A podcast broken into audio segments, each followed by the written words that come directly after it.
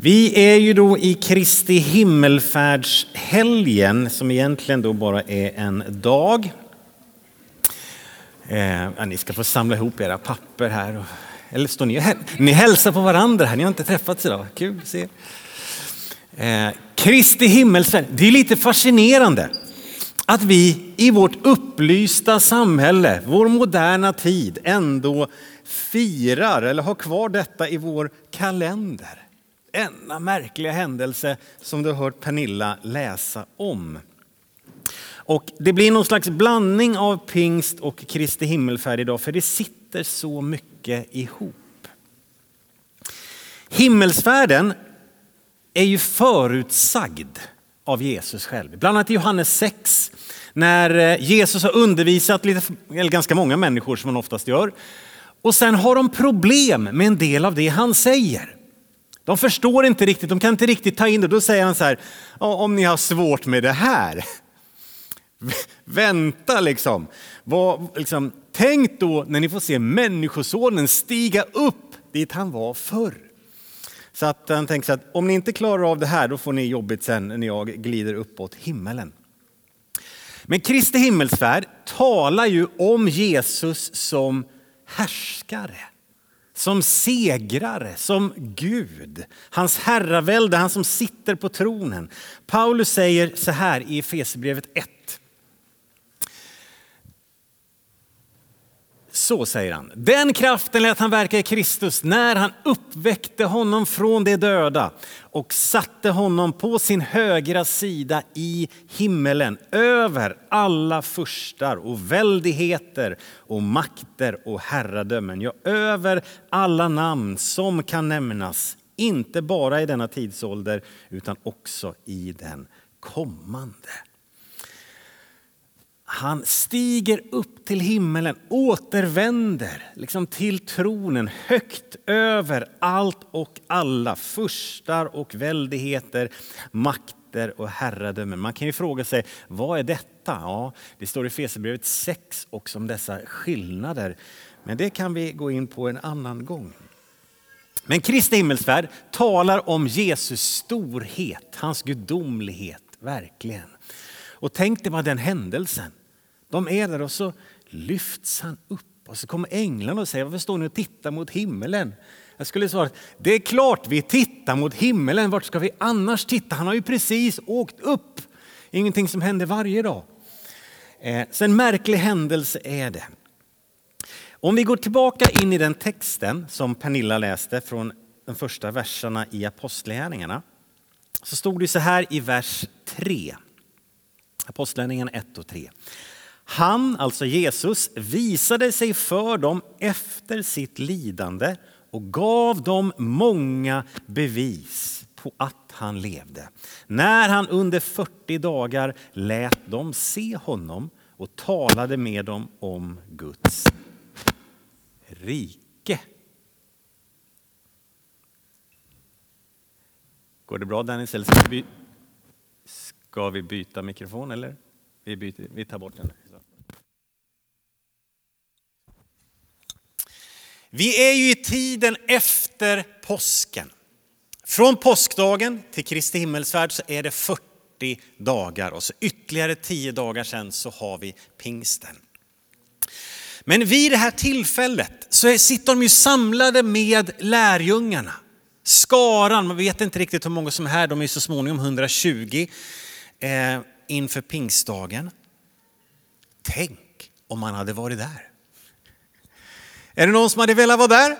Absolut, jag hade tagit första biljetten, jag hade köat länge. Hur såg han ut? Bara det. Har han fortfarande spikmärken i händerna? Han har ju en uppståndelsekropp. Hur, hur ser den ut? Det är lite märkligt på påskdagen när han visar sig för Thomas. Då har han ju kommit tillbaka till livet men han kan ändå säga till Thomas, titta på spikmärkena i mina, mina händer. Hålet i sidan. Hur ser han ut?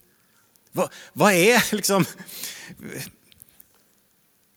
Ja. Och så talade han om Guds rike. Vad sa han för något? Troligtvis la han ju bara ut texten runt det han har undervisat om tidigare. Kanske påminner om, hörni, kommer ni ihåg den här liknelsen? Ja, just det, det var när vi var där på berget, eller hur? Ja, kommer ni ihåg den här liknelsen? Eller vad sa han? Tänk om han hade fått vara där och bara fylla på mer. Wow, få sitta liksom vid den uppståndne Jesu fötter och lyssna och fråga. De har ju påsken bara 40 dagar tidigare, knappt 38 kanske, eller vart vi är nu. Jesus, hur, hur blev det? Hur kände du hur, det här som var så traumatiskt för dem? Och sen står det att han gav dem många bevis på att han levde. Det är väl nästan den roligaste formuleringen av alla. Men vadå, han är ju där. Det är klart att han lever. Men han gav bevis. Vad, vad är det liksom? Gjorde han under medan de satt där runt bordet? Eller, det kan, jag kan tänka mig så här. Att i det här, han gav bevis på att han levde, hans uppståndelsekropp. Vi förstår att det var ju någonting annat, för på påskdagen, där sitter ju lärjungarna vid ett tillfälle instängda bakom låsta dörrar. Och så rätt vad det står Jesus mitt ibland dem. Så på något sätt så går ju han genom dörrar, eller hur? Ja, lite uppståndelsekropp, vi vet inte riktigt hur det är. Jag kan tänka mig att Petrus sitter där vid bordet med dem och bara, Jesus, Jesus, gör det där med dörren igen. Jakob stäng dörren. Jakob går och stänger dörren och så går de och sätter sig bara. Ah, nu kommer han. Hur gick det till? Vad gav han dem för bevis på att, han, liksom, att det var på riktigt? Det är ju världens grej det här. De sitter samlade. Och här tänker jag så här, vem skulle inte velat ha vara här? Vet, om jag hade fått vara där, om jag hade fått de här bevisen, då hade jag aldrig tvivlat. Om jag hade fått se det här, då skulle jag alltid tro och ge mig till honom. Om jag hade fått höra den här undervisningen, då skulle alla frågetecken ha rätats ut. Om jag bara... Man tänker så här, och de fick ju det. Lite orättvist. De levde i någon slags lite halvsalig bubbla här tillsammans, tänker jag.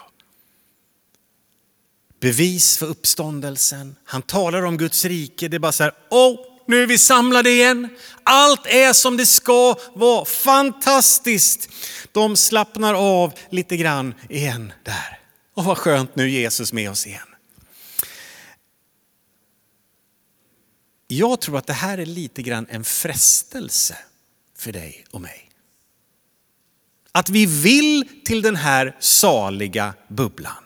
Jag vill ha det. Vet, om, tänk om jag bara kunde få det här beviset, om jag fick se det här tecknet, om det skedde ett under här, då, yes, då är jag här. Och så om jag kunde få ihop det här och förstå det här, då. Och så får vi liksom, där vill jag leva.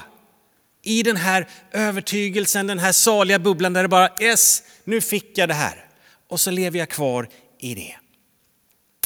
Och det är inget fel ställe att längta till. Absolut att vi ska be om, sträcka oss efter, längta efter under och tecken.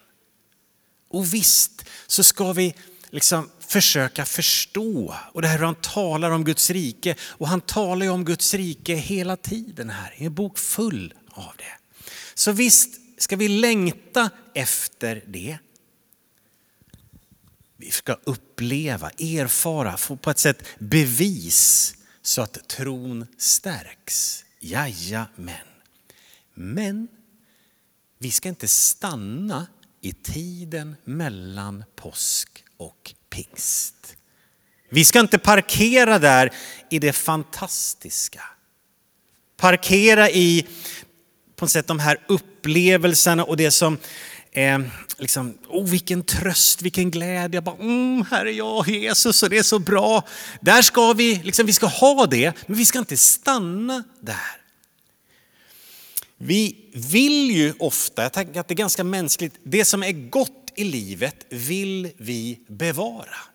Man tänker så här, nu funkar det om man kunde sätta en liten kupa över det så att det alltid är så. Eh, det är ganska mänskligt. Vi ser det i Bibeln också vid olika tillfällen när det gäller Upplevelse med Jesus. Vid ett tillfälle i Matteus 17 så tar Jesus med sig Petrus, Jakob och Johannes upp på ett berg som vi sen kallar för förklaringsberget.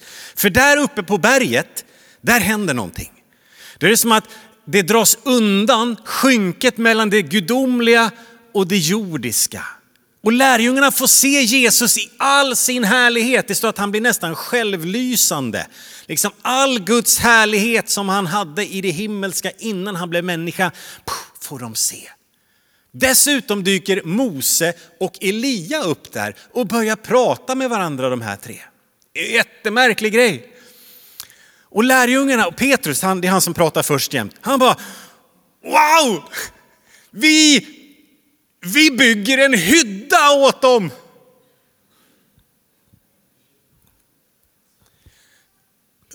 Det står så här, han visste inte vad han sa, står det.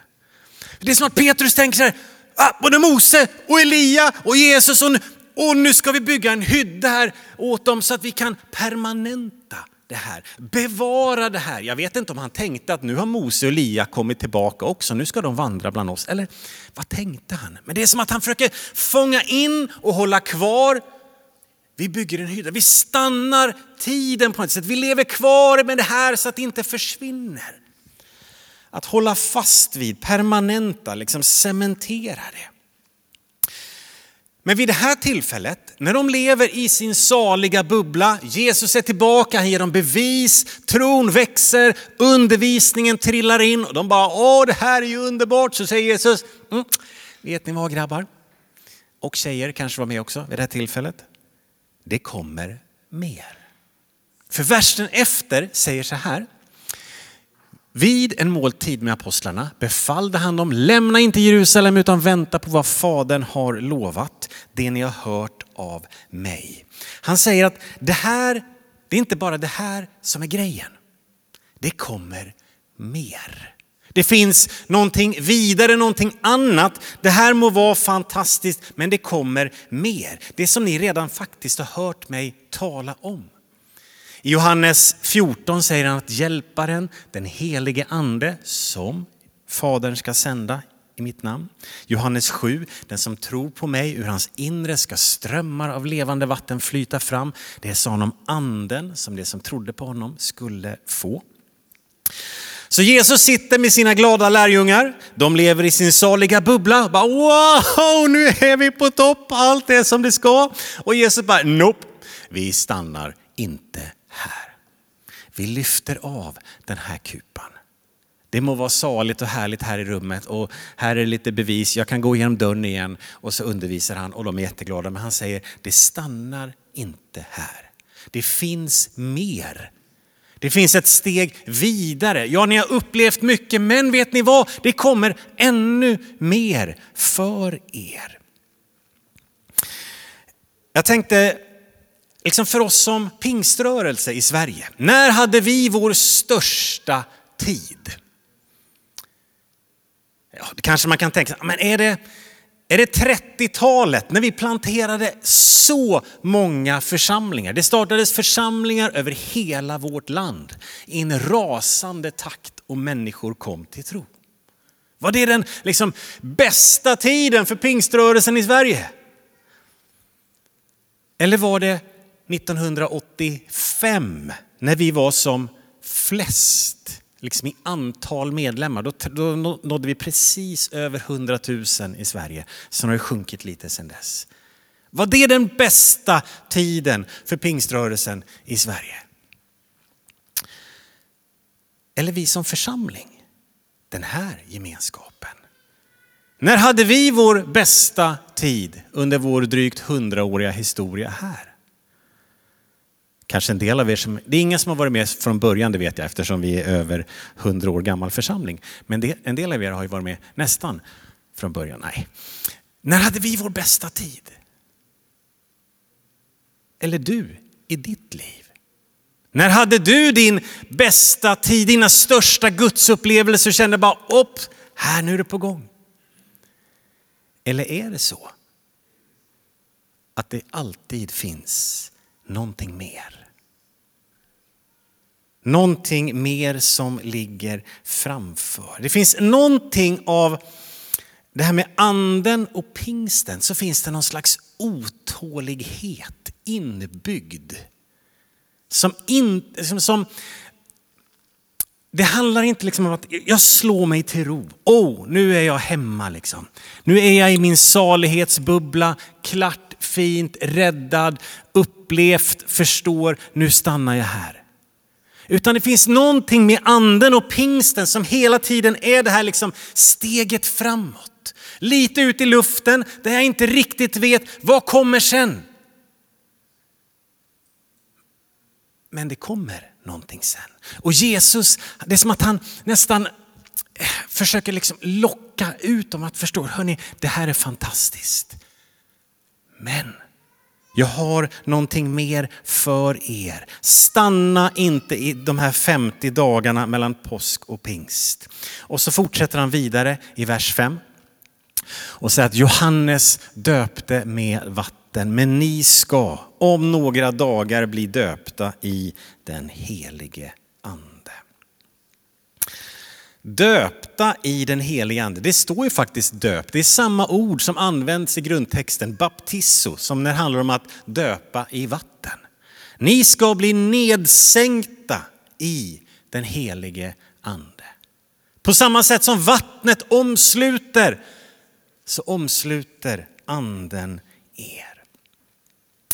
Ibland kallar vi en liksom första erfarenhet av den heliga ande för andedop. Just av den anledningen. Och för många så är det tillfället när man får ta emot tungotalets gåva. Bönespråket som du får av Gud. Och kära vän, får jag bara uppmuntra dig uppmana dig, om du har fått tungotalets gåva, använd det. Ofta och mycket. Det är en del av det som handlar om det här strömmar av levande vatten, att vi lever med någon slags porlande i oss och det kan vara bönen. Där man inte alltid behöver liksom fokusera tanken i bönen. Nu ska jag be för det här, nu tackar jag för det här. Utan det är någonting här inne som ber. Det står att anden ber med vår ande. Anden hjälper oss i vår förbön. Att anden ber med suckar utan ord. Kära vän, använd det. Du som har fått det. damma av det, plocka fram det. Ja, men det var så länge sedan. Ja, börja igen, det finns där. Ett nytt språk. Du som inte har fått ta emot det, be om det. Min övertygelse är att det är en gåva som är för alla troende människor. Alla troende människor. Jag tror att jag var 12 år gammal på ett läger i Stockholms skärgård. Och så var det undervisning om andens dop och förbön för den som ville. Och där på en stor röd matta, nästan den här färgen, jag kommer nästan ihåg hur mattan såg ut, någon kväll där, så händer någonting i mitt liv. Den heliga ande kommer över mig. Tårarna rinner. Och jag får de här konstiga orden i mitt huvud som jag börjar tala ut och känner att här händer någonting. För mig stannade det vid den upplevelsen egentligen den kvällen. Jag visste inte riktigt vad jag skulle göra med det. Sen tog det flera år innan en vän till mig, en av mina ledare egentligen, som frågade Jörgen, talar du tungor? Har du ett bönespråk? Och så berättade jag om den här upplevelsen och då sa han, men använd det. Börja om. Och jag började om. Och där händer också någonting i mitt liv som fortsätter att flöda. Så kära vän, ta fram det. Damma av det och be om det. Det är ditt hjärta hjärtas bön till Gud. Det är ett hemligt språk mellan din ande och Guds ande. Det är ingenting att vara rädd för utan det är någonting gott som han ger dig. Sen läser vi gång på gång i apostlärningarna framåt och genom breven det här med att vi låter oss ständigt uppfyllas av heligande. Vi ser i apostlagärningarna hur det står att de uppfylldes allt mer av heligande. Så det är inte så att ja, jag upplevde det här en gång och sen är det klart. Nej, det, du, du och jag behöver gång på gång fyllas av den helige ande i våra liv. Och sen en annan tanke när det står att Johannes döpte med vatten men ni ska bli döpta i den helige ande. Eh, tänker när man, när man låter döpa sig i vatten. Det är ju ingenting man gör själv. Nu ska jag döpa mig och så går man och doppar sig i dopgraven. Eller hur? Utan dopet är någonting som jag låter hända med mig. Någonting som jag låter någon göra med mig och för mig. Ingenting som händer utan någonting som jag tar emot. Jesus säger i Johannes 20 så här, sedan han sagt detta till dem andades han på dem och sa tag emot helig ande. Ta emot helig ande. Det finns någon slags aktivt mottagande i oss. När Jesus talar vid ett tillfälle, han ger en liknelse om, om ordet. Eh, och han talar om ordet som sådd som landar i olika typer av jordmån. Så finns det jordmån som är hård och tunn och senig och där får inte den här sådden så mycket fäste. Men det står så här att hos dem vilka säden faller i god jord är de som hör ordet och tar emot det och bär frukt 30-falt, 60-falt och 100-falt. Anden vill tas emot. Anden tränger sig inte på utan anden vill tas emot. Fråga efter anden. Be honom fylla dig. Be anden ge dig ett bönespråk. Samarbeta med Guds ande för ditt liv. Vi får stanna upp i Guds goda. Vi får leva i den här saligheten över vad Gud har gjort för oss. Erfarenheter med honom som vi har haft och kommer att få. Vi får leva i glädjen, i ordet tacksamhet över vad han har gjort. Men vi är inte tänkta att bara stanna i den saliga bubblan som är för mig. Utan han kallar oss ju ut vidare. Men då är det så lätt att tänka, ja men vet du, bara lite till, jag är inte riktigt färdig. Jag skulle behöva få uppleva en grej till, bara få det där undret och förstå det där och bli lite andligare. Om jag bara då, minsann. Men grejen är att vi blir ju aldrig färdiga. Jag tänker inte begära handuppräckning, men är det någon här inne som känner sig lite oandlig emellanåt. Och hur många av oss känner oss super på topp och bara yes! Nu Gud! Nu är kraften och glädjen och kunskapen och modet och möjligheterna. Allt sitter där. Hur ofta är man där? Jag vet inte. Jag hoppas att det, det kanske kommer någon gång i livet, men jag har inte riktigt kommit dit än. Och jag tänker lärjungarna. De är ju som du och jag. Och genom hela de här veckorna som är runt påsken. Vet du, de, är, de är rädda. De blir lite inåtvända, de stänger in sig, de liksom bevarar. Åh, hur ska det gå för oss? Vi klarar inte. Petrus har sitt svek. Lärjungarna och de andra vet att ju, vi sprang ju från Getsemane trädgård allihop. Vi duger ju inte till något. Här sitter de och så kommer Jesus in. Wow, han är tillbaka och så får vi leva i den här goa mysiga bubblan och på med locket.